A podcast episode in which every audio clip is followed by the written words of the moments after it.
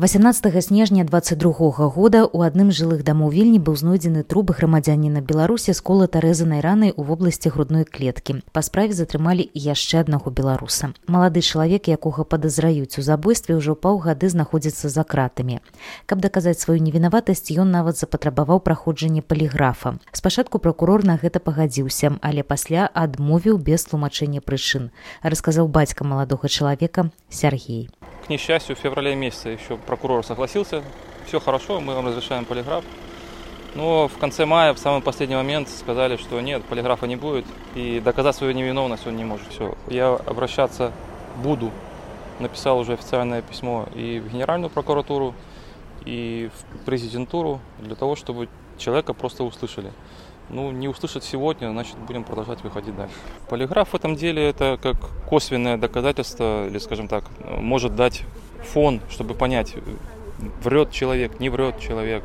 Просто он просит, чтобы его услышали. Полиграф э, по законам Литвы не является доказательством, но это как косвенная дополнительная какая-то ну, экспертиза.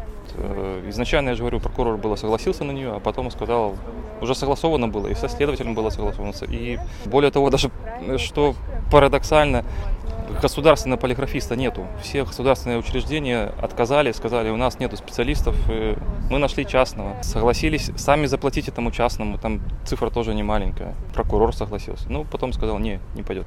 Падеи паўгадавой даўніны Сергей описывает так. История началась 18 декабря э, прошлого года, когда на квартире э, сын и его друг, они вместе служили в полку Калиновского. Совершилась, произошла трагедия. Следствие кивает на то, что это было убийство. Сын говорит, что это было самоубийство, и он все это дело видел, они были вдвоем в одной комнате. На ноже нету отпечатков сына, есть отпечатки погибшего Никиты. Были вопросы, допустим, у к экспертам спрашивали, а можно ли эти отпечатки удалить? Он говорит, нет, маловероятно, то бишь человек не совершал ничего, но тем не менее никто ему не верит. То есть следствие убийства не доказало? Нет. Когда адвокат начинает говорить э, свои доводы, ну, поясняет, что откуда берется, где какие нестыковки, судья и прокурор просто ему практически закрывают рот. Типа, мы тут сейчас не про это говорим, мы говорим про продолжение нахождения человека под арестом. Ну и вот уже пошел седьмой месяц, так человек сидит под арестом, и никто никого не слышит. Вчера было полугодовое заседание, после которого, по идее, должен был быть нормальный суд, рассмотреть дело. Ну, все было очень быстро, как обычно. Продлили еще на месяц Родныя маладога чалавека прыйшлі ў пятніцу да генеральнай пракуратуры літвы, каб выказаць нязгоду з тым, як ідзе следства. 15 чэрвеня падазраваны абвясціў галадоўку. Да яе далучыўся і бацькам. Поэтому это крайняя мера. Э, он ее вчера на заседании суда свое решение озвучил. Я его поддерживаю в этом плане. Голодовка мокрая, то есть человек э, пьет только жидкость, воду, ну и все. Понятно, что это здоровье не прибавляет. Мы сегодня с ним встречались, он как бы понимает, что скоро, возможно, прекратят все свидания с ним, возможно, переведут в больницу, ну и настроен так, что говорит, поймите меня, все движение может начаться или изменение в деле может начаться только после того, когда начнутся изменения в крови и с организмом. Он осознает о том, что там себя калечит. Справу абцяжарвае ваеннае мінулае падазраванага, кажа сястра маладога чалавека. Э, действительно, то, что э, оба парня были в полку, являлись добровольцами.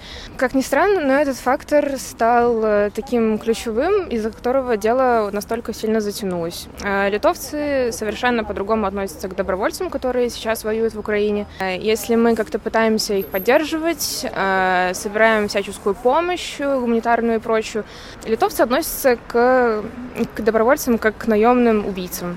Поэтому абсолютно любое показательство они рассматривают с точки зрения человека, который был вот наемным убийцей.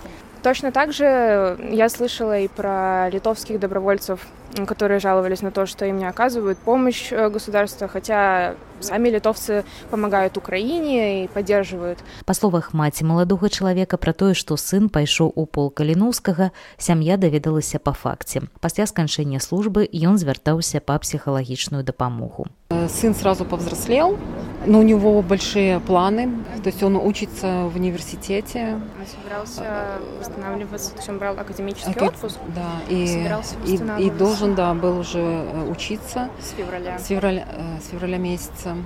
Ну, с таким уже, пускай таким опытом, но переоценкой жизни. То есть, вот депрессия, ничего такого Депрессия, ну, я так понимаю, что он говорил, что я обращаюсь, да, то есть есть, есть, надо еще Украину закрыть, ну, то есть вот этот вопрос был.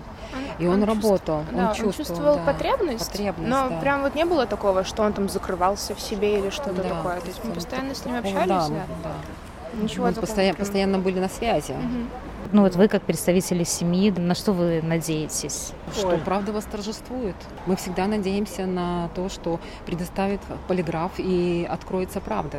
Если мы хотим эту Нет, правду, ну, давайте для этого что-то делать. Он готов на любые условия. Ну, Говорит про то, что э, пусть меня посадят в одиночную камеру. В любом состоянии правда она одна, и полиграф он ее покажет. Поэтому единственное его требование это дать полиграф.